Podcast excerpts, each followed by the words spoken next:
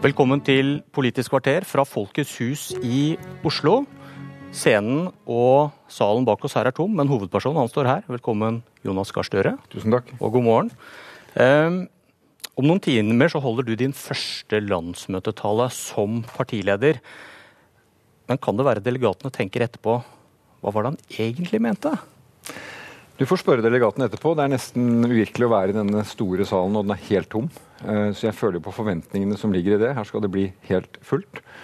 Men jeg har jobbet mye med den talen, eh, og jeg tror den plukker opp mye av det jeg har sett gjennom det året jeg har vært partileder. Jeg eh, forsøker å se fremover, først og fremst.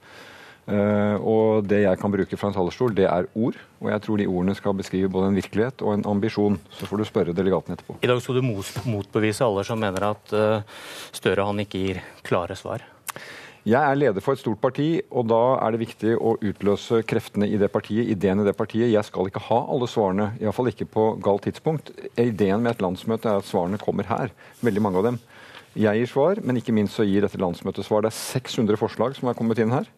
Vi har eh, det første totale digitale landsmøtet, slik at vi hadde normalt hatt to-tre kilo papir per delegat. Det ligger nå på en uh, nettbrett uh, foran hver av dem.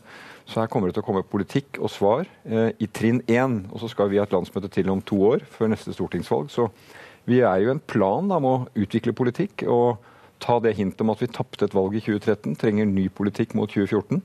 Og da er landsmøtet et av de flotteste verkstedene vi kan bruke til det. Første sjanse til klar tale, det får du nå. Hvor klare svar har Arbeiderpartiet gitt i i asylsaken? Og du har kommet med noe uklare løfter om at i talen din så vil du kanskje si noe nytt om hvordan Norge skal møte situasjonen og flyktningstrømmen fra Syria. Og spørsmålet er hvor mange flyktninger Norge skal ta imot, og kommer du med tall, eller må du tolkes? Du får høre. Jeg skal ikke avsløre det her nå. Det er mange som har spurt om det. og Nå tror jeg faktisk jeg skal bruke den muligheten og privilegiet jeg har, og si at talen eh, kommer litt før to. og Da får du høre på også sammenhengene. Klar tale. Eh, Arbeiderpartiet er opptatt av humanitet, solidaritet, stille opp for mennesker i nød. Norge er et land som skal ta imot folk som trenger beskyttelse etter de internasjonale avtalene vi har. Veldig klar tale på det. Så ser jeg jo at eh, i den såkalte asylbarnsaken vi har hatt nå, det er en sak som engasjerer mange. Eh, jeg lytter til de som sier at Arbeiderpartiet burde vært klarere på det. Men forstå også det at her har vi vært et parti utenfor en avtale som er mellom regjeringen og to partier. Og De har gått ut og inn og forhandlet og frem og tilbake og opp og ned om enigheten seg imellom. Der har ikke vi hatt stor plass. Det har ikke vært en stortingssak, det har vært en sak mellom dem. Det jeg forsøker å bidra med nå, når det gjelder veldig klarhet, for det er viktig at regelverket er tydelig og blir behandlet på ordentlig måte, er at den forskriften denne regjeringen endelig klarte å formulere, den utfordrer ikke vi. Nå er det grunnlaget for hvordan man behandler den type saker. Du er enig i den? Vel, altså jeg sier at Den ligger nå til grunn, eh, og da støtter vi opp om at det er den som blir brukt. Og så tror jeg det er viktig for den som får andre regler på dette området, at det må gå noe tid. Man må evaluere hvordan den blir praktisert. Vi laget en stortingsmelding som skulle vektlegge barns hensyn mer. Og Da måtte vi vurdere etter et år er det et tilfelle, eller må det justeringer til. Nå er det ikke vi som har regjeringsansvaret. De som har det, de får finne ut av det, og vi ser jo måten det skjer på. Men jeg har hørt deg si at nå har de kommet fram til en god løsning som dere aksepterer på at en del barnefamilier som er kastet ut, kan få sakene sine behandlet på nytt. Korrekt. Men for et par uker siden så hadde jeg din innvandringspolitiske talsmann i studio, Eirik Sivertsen, som argumenterte hardt mot dette. Regler må ikke gis tilbakevirkende kraft.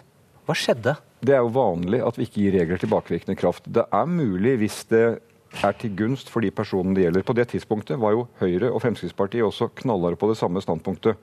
Ja, men, men de, de, de, forhandlet med to små partier ja. og kom fram til et kompromiss. Men, mener... men, i alle dager, Arbeiderpartiet sier én ting rett før påske, at dette er vi imot. Og så nå så står du og sier at dette er vi for. Vi er generelt sett mot at regler skal gis tilbakevirkende kraft. Det skaper veldig uklarhet om reglene. Samtidig så var det nødvendig å rydde opp i den uklarheten som var skapt mellom de partiene. Hva de ble enige om etter valget, hva som ikke var forskriftsfestet, og hvordan det berørte uh, utsendelser. Og da sier vi nå, vi får ta utgangspunkt i det, vi utfordrer ikke den løsningen. Det at nå rundt 60 barn skal få prøvet sin sak på ny, det uh, er greit, og det uh, legger vi til grunn. Og nå må det skje, og det må skje på en ordentlig måte. Men jeg, jeg forstår allikevel ikke hvordan dere kom dit fra at Arbeiderpartiet ved Sivertsen, som var den eneste som snakket om asylbarna, sier at denne løsningen som Venstre og KrF nå foreslår, den er Arbeiderpartiet helt imot. Og så, i forrige uke, så står du plutselig og så sier du at dette er en god løsning.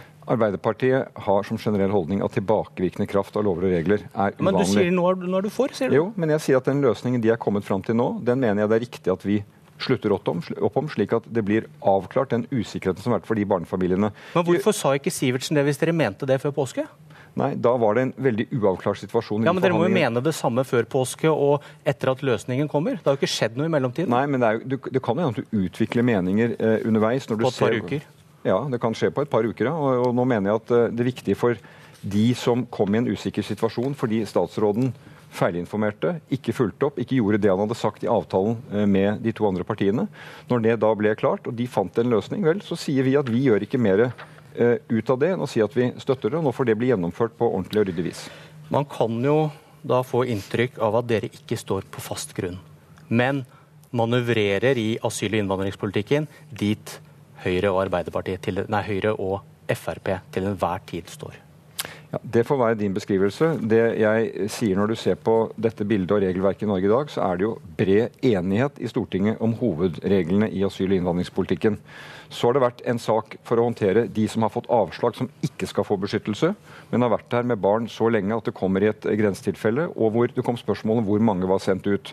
Da har det pågått da intense forhandlinger. Det vi ikke vi visste på det tidspunktet Sivertsen snakket, var jo også at den avtalen skulle ha en mottydelse om innstramning på andre områder. Men det har vel ikke noe å si for om dere er for at disse asylbarna og disse familiene skulle få sakene sine behandlet på nytt?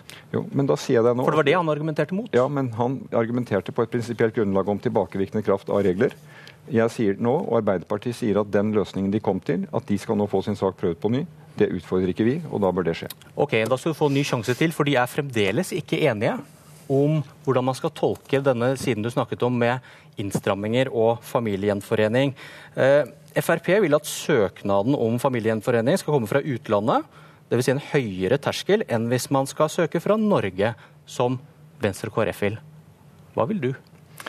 Dette er jo igjen et uttrykk for at det for oss å stå helt på utsiden av de forhandlingene De foregår på nabokontoret mitt. Det er ganske enkel, enkel, enkel, ting å ta, ta stilling til. Det er ikke det, det Bjørn Myklebust. For her vet vi at det antageligvis også er andre avtaler som blir koblet inn. En statsråd som prøver å mildne kritikken fra konstitusjonskomiteen hvis han gir noe annet på asyl. Men du må da kunne ta konkret stilling til om du mener søknaden bør komme fra Norge eller fra utlandet, og ikke vente på hva Nei. Høyre og Frp lander på? Da vil jeg si På generelt grunnlag så er det vanlig at når du søker uh, asyl i Norge, så skjer det uh, når du kommer uh, til Norge. De som nå skal få sine saker behandlet på ny, de kan gjøre det da fra der de er i utlandet. Men nå vil ikke jeg gå noe mer inn i detaljene på det. Fra et, fra et avtale og en, en, forhandling og en oppklaring de driver, som ikke jeg kjenner, og som jeg ikke er til stede i. Tror du det er noen lyttere og seere som tenker hva var det han mente nå? Det kan godt hende. Da kan du jo benytte av muligheten til å høre det en gang til. Men, eh, men, men la meg bare si at eh, jeg vil da se hva de kommer fram til, se hele bildet før jeg konkluderer. Vi kan ikke være sånn løpende eh, kommentatorer av hva som går. Det får være deres jobb, og så skal vi ta stilling til det som er innholdet. Skal vi snakke om noe annet enn asyl? Gjerne. Du får... Jeg blar. Du er programleder. vil du gjeninnføre formuesskatten, som de borgerlige fjerner, hvis du blir statsminister? Jeg vil sikre at Eh, de som har det sterkeste skuldrene, tar den tyngste børen i vår velferdsstat. Hvorvidt det skjer gjennom å skru poengene på formuesskatten tilbake igjen der det var i 2013, eller om det blir del av et mer helhetlig skatteopplegg, eh, det vil jeg ikke konkludere i dag. Og det er fordi at i 2017 så vet vi mer om hvordan inntektene til fellesskapet er, hvor mange som jobber, hvordan skattesystemet ser ut. Vi står kanskje foran en stor skattereform hvor hele beskatningen av formue arv, eiendom skal opp til ny vurdering. Eh, og Da er det i den sammenheng vi må se på hva som blir framtidens skattesystem. Ok, La meg stille spørsmålet litt bredere. da. Det samlede skatte- og avgiftsnivået vil Arbeiderpartiet gå til valg på å øke skattene, siden dere er så klare på at kutt rammer velferd? Vi var opptatt av at det skattenivået vi hadde i 2013 var godt for den perioden vi var i. Denne regjeringen bygger det kraftig ned, og de gir skattelettelser, halvparten av dem, til 3 rikeste i dette landet. Det er feil profil, det tar Norge i gal retning. Men da må vel den logiske konsekvensen være at dette vil du, et ord du ikke liker, reversere? Da er den logiske konsekvensen det den har vært for Arbeiderpartiet å si hvilke oppgaver skal vi løse i fellesskap, hva koster det, hvordan fordeler vi den regninga. Eh, og Jeg kan ikke stå her i 2015 og si nøyaktig hvor det innslagspunktet kommer til å være. Men jeg mener jo at når de systematisk tar ned skatteinntektene, som rammer velferden i kommunene, som rammer måten vi har til å løse oppgaver felles, så mener jeg at vi får mer igjen som fellesskap ved at vi investerer mer i fellesskap. Men den logiske konsekvensen av det du nå sier, må da være at dere ønsker å øke skattene, i hvert fall akkurat i dag?